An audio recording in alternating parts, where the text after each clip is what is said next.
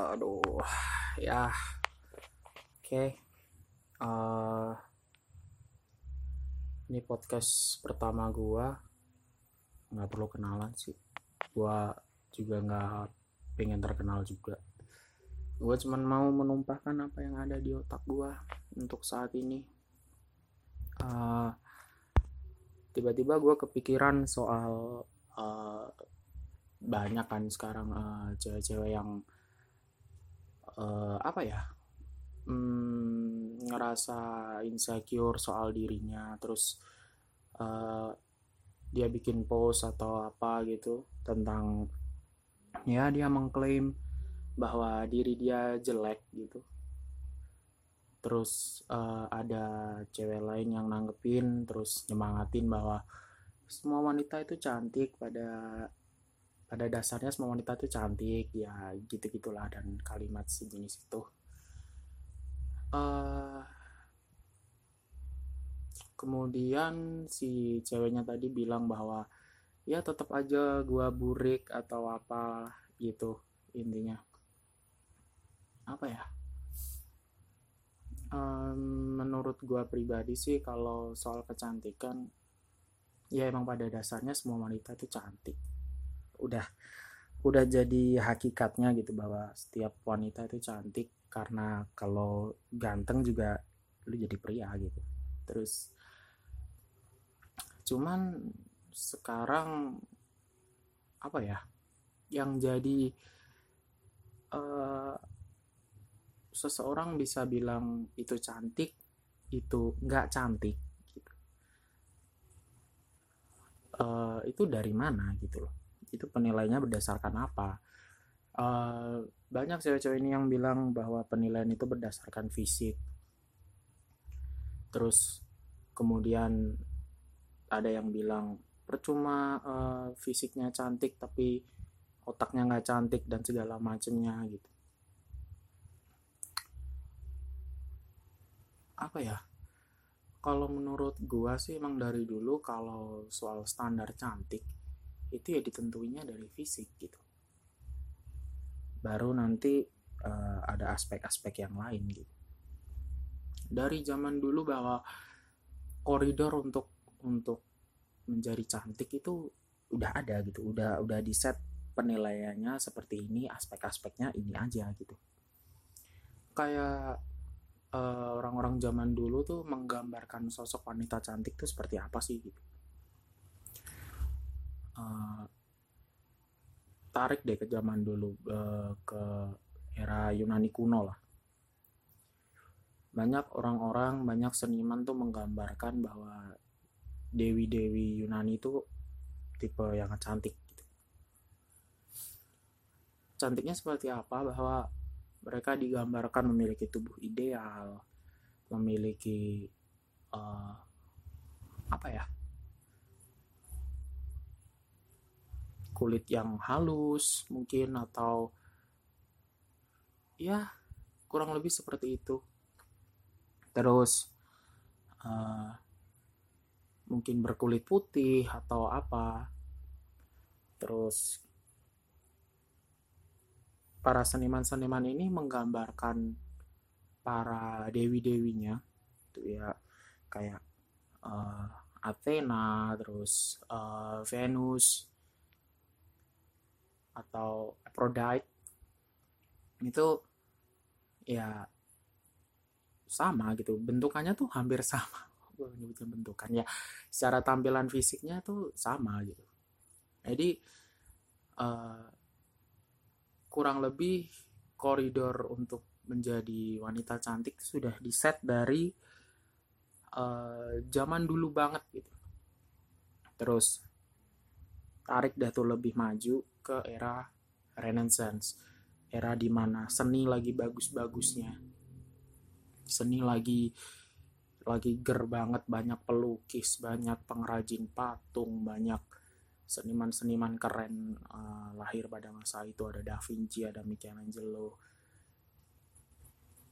Uh, mereka menggambarkan wanita cantik tuh ya sama gitu. Mereka dari etnis Kaukasian dari Kaukasoid terus otomatis dia berhidung mancung berkulit putih berambut panjang terurai mungkin terus berbadan ideal. Sebutlah kayak uh, sosok Mona Lisa. Mona Lisa itu sebagai penggambaran wanita cantik pada masanya. Jadi ya kurang lebih koridor wanita cantik tuh ya seperti itu gitu. Seperti Mona Lisa yang digambarkan uh, oleh Da Vinci. Terus uh, maju lagi ke era era-era agak modern. Jadi uh, eranya kayak uh, Marilyn Monroe terus Audrey Hepburn ya. Mereka-mereka juga masih sama gitu koridornya tuh masih sama. Jadi yang berkulit putih ber uh, cuman agak beda di di rambut kayaknya. Jadi kalau yang zamannya Marilyn Monroe tuh orang-orang udah mulai apa ya mulai ada yang potong pendek gitu-gitu. Jadi uh, penggambaran wanita tuh nggak nggak harus dia berambut panjang gitu jadi udah mulai ada yang potong pendek. Tapi tapi penggambaran koridor untuk cantik ini masih sama gitu ini yang berkulit putih berbadan ideal. Terus kemudian waktu itu uh, si Audrey Hepburn kalau nggak salah dia pernah uh, ya bikin kayak quotes gitulah ya. Yang intinya tuh uh, memotivasi wanita-wanita ini untuk bahwa uh, wanita tuh cantik gak cuma dari fisik gitu-gitu. Terus Iya dia lebih memotivasi wanita bahwa mereka bisa tampil cantik dengan diri mereka masing-masing gitu. Jadi kayak uh, lo nggak harus ngikutin koridor gua nih untuk tampil cantik tapi lo bisa jadi diri lo sendiri dengan dengan apa yang lo punya dengan skill lo dengan kemampuan lo gitu lo bisa jadi cantik gitu. Jadi Audrey Hepburn berusaha mengubah pandangan itu gitu. Terus uh, di zaman sekarang di 2020 itu uh, makna dari cantik ini mulai perlahan-lahan bergeser. Jadi yang yang dulu cantik tuh harus berkulit putih harus seperti ini harus seperti ini gitu. Itu perlahan-lahan mulai tergeser gitu. Jadi eh, suara-suara yang dulunya gitu yang dulunya minoritas untuk menyuarakan bahwa cantik itu tidak harus tidak harus seperti apa yang tergambar selama mungkin ribuan tahun sejak sejak zaman Yunani kuno. Jadi uh, perlahan-lahan tuh mulai berubah gitu. Jadi uh, kayak Miss Universe itu mulai uh, mulai banyak dilirik orang karena ayah ada yang uh, dari Asia ada yang uh, dari Afrika gitu, gitu. Jadi warna kulit terus ras etnis gitu udah nggak udah bukan penghalang untuk untuk lo jadi cantik gitu kayak uh, banyak banget banyak banget uh, brand-brand yang sekarang mulai mulai uh, merambah ke ke dunia yang seperti itu. Jadi yang tidak uh, mengkoridori cantik seperti apa tadi. Kayak Victoria's Secret udah mulai pakai brand-brand eh udah mulai pakai brand udah mulai pakai model-model dari uh, mereka yang berkulit hitam. Jadi uh, sekarang jadi cantik itu uh, udah udah bukan berdasarkan koridor yang yang udah ditetapkan sejak dulu gitu. Tapi mungkin mungkin ada beberapa orang-orang yang masih menganggap bahwa cantik itu ya masih tetap dengan koridor yang dulu ya nggak apa-apa. Namanya juga uh, kayak perubahan juga nggak mungkin langsung instan. Kayak uh, untuk menghapus perbudakan aja perlu berapa tahun gitu. Bahkan mungkin mungkin ada yang dulu-dulunya menentang untuk perbudakan dia dieksekusi mati atau apa. Jadi dan sekarang dunia udah bebas dari perbudakan padahal mungkin zaman dulu ada orang yang udah memperjuangkan itu tapi suara mereka belum bisa didengar karena mereka masih jadi uh, minoritas. Um, terus apa ya? Uh, oh ya balik lagi soal insecure tadi. Uh, ada beberapa cewek gitu yang yang ya bikin postingan kayak yang tadi udah gue bahas di awal. Uh, dia bikin postingan kayak gitu terus atau mungkin dia melihat sesuatu dia melihat ada postingan orang lain postingan cowok gitu yang nerapin soal standar kecantikan versi mereka gitu. Terus si si cewek ini mulai nyerang atau apa gitu. Mulai menghakimi bahwa bahwa dia tidak sepemikiran dengan si cewek ini. Mereka menuduh si cowok ini uh, bikin mereka insecure atau apa. Sebenarnya menurut gua setiap orang tuh berhak punya standar tau. Jadi kayak orang tuh punya kriterianya masing-masing gitu orang punya kriterianya masing-masing dan uh, kita tuh nggak berhak untuk menghakimi mereka seperti apa kecuali kalau emang postingannya mungkin ofensif gitu jadi kayak menyerang tertentu atau apa gitu. Tapi kalau untuk orang yang misal uh, eh, gue cari cewek yang tipenya kayak gini kayak gini nih gitu terus uh,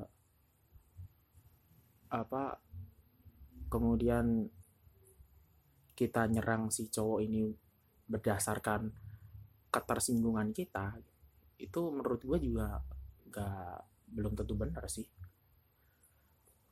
Karena kita tuh tersinggung bukan selamanya benar kita hanya hanya emosi aja gitu. Jadi belum tentu juga itu benar. Kecuali kalau emang postingannya uh, yang cewek yang tingginya nggak segini berarti lu jelek. Atau cewek yang berat badannya nggak segini lu jelek. Cewek yang kulitnya kayak gini lu jelek atau apa gitu kan itu jelas-jelas ofensif gitu.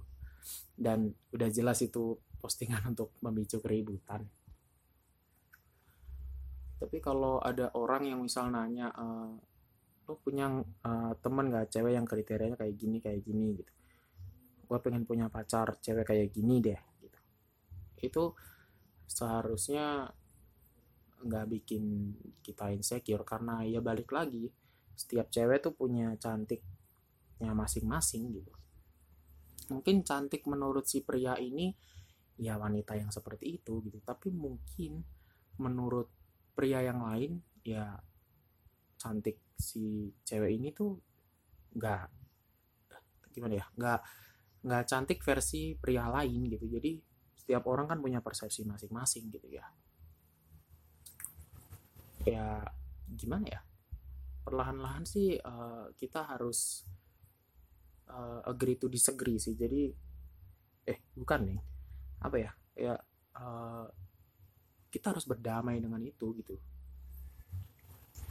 Kita harus harus berdamai dengan orang-orang yang mungkin uh, kayak gitu. Dan mungkin menurut gua ya kita sebaiknya nggak nggak mencoba untuk tersinggung sih karena ya orang-orang berhak punya selera, orang-orang berhak punya kriteria dan penilaian.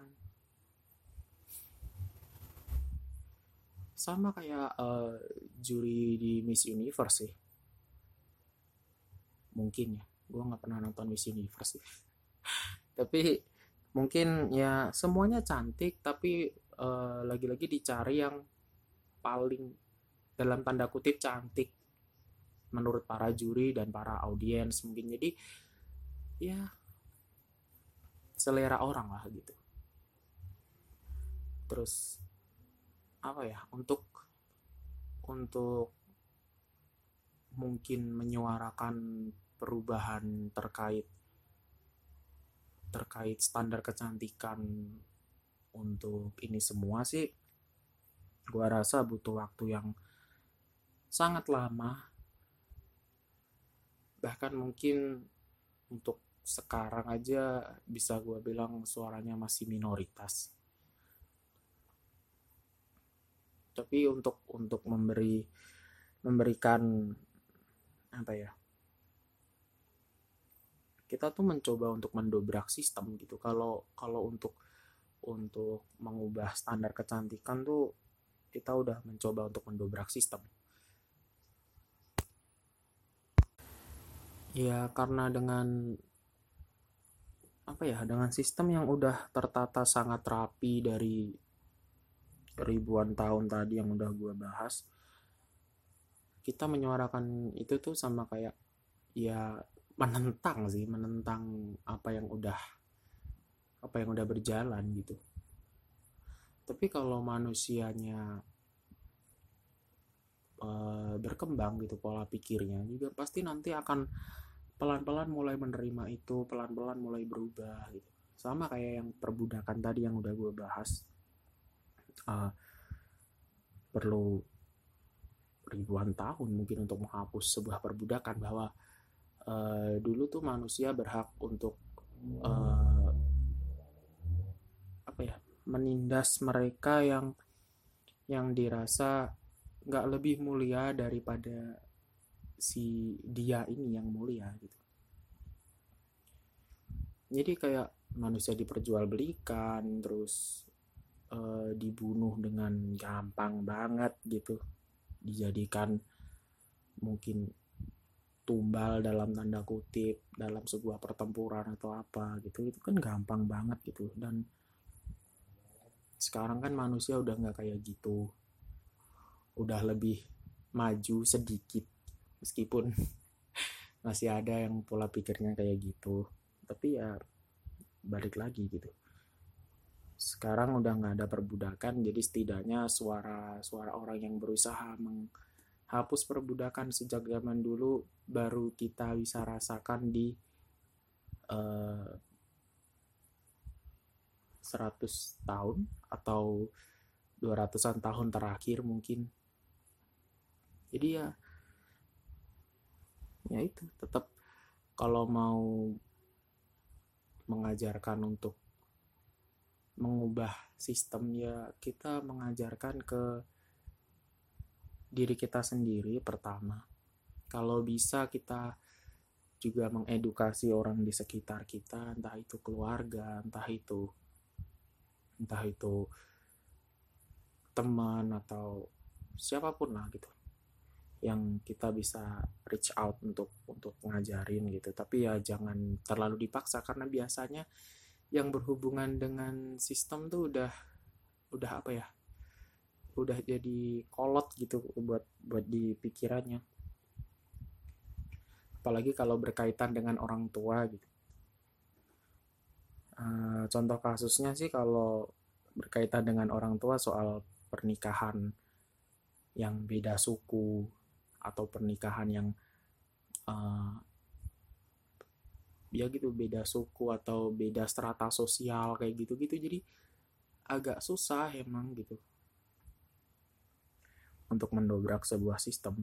Tapi untuk ke depannya sih kalau kita bisa teruskan ke keturunan-keturunan kita gitu jadi nggak sekarang mungkin tapi bisa jadi 100 atau 200 tahun setelah ini mungkin suara-suara kita yang uh, awalnya jadi minoritas itu di tahun 2020 bisa jadi mayoritas di ratusan tahun setelah ini gitu. Dah, itu aja kali ya. Gue capek ngomong terus 19 menit, coy. Dah, gua tutup aja ya. See you on the next podcast. Kalau ada yang gua pikirin sih. Kalau enggak ya udah ini aja cukup kali.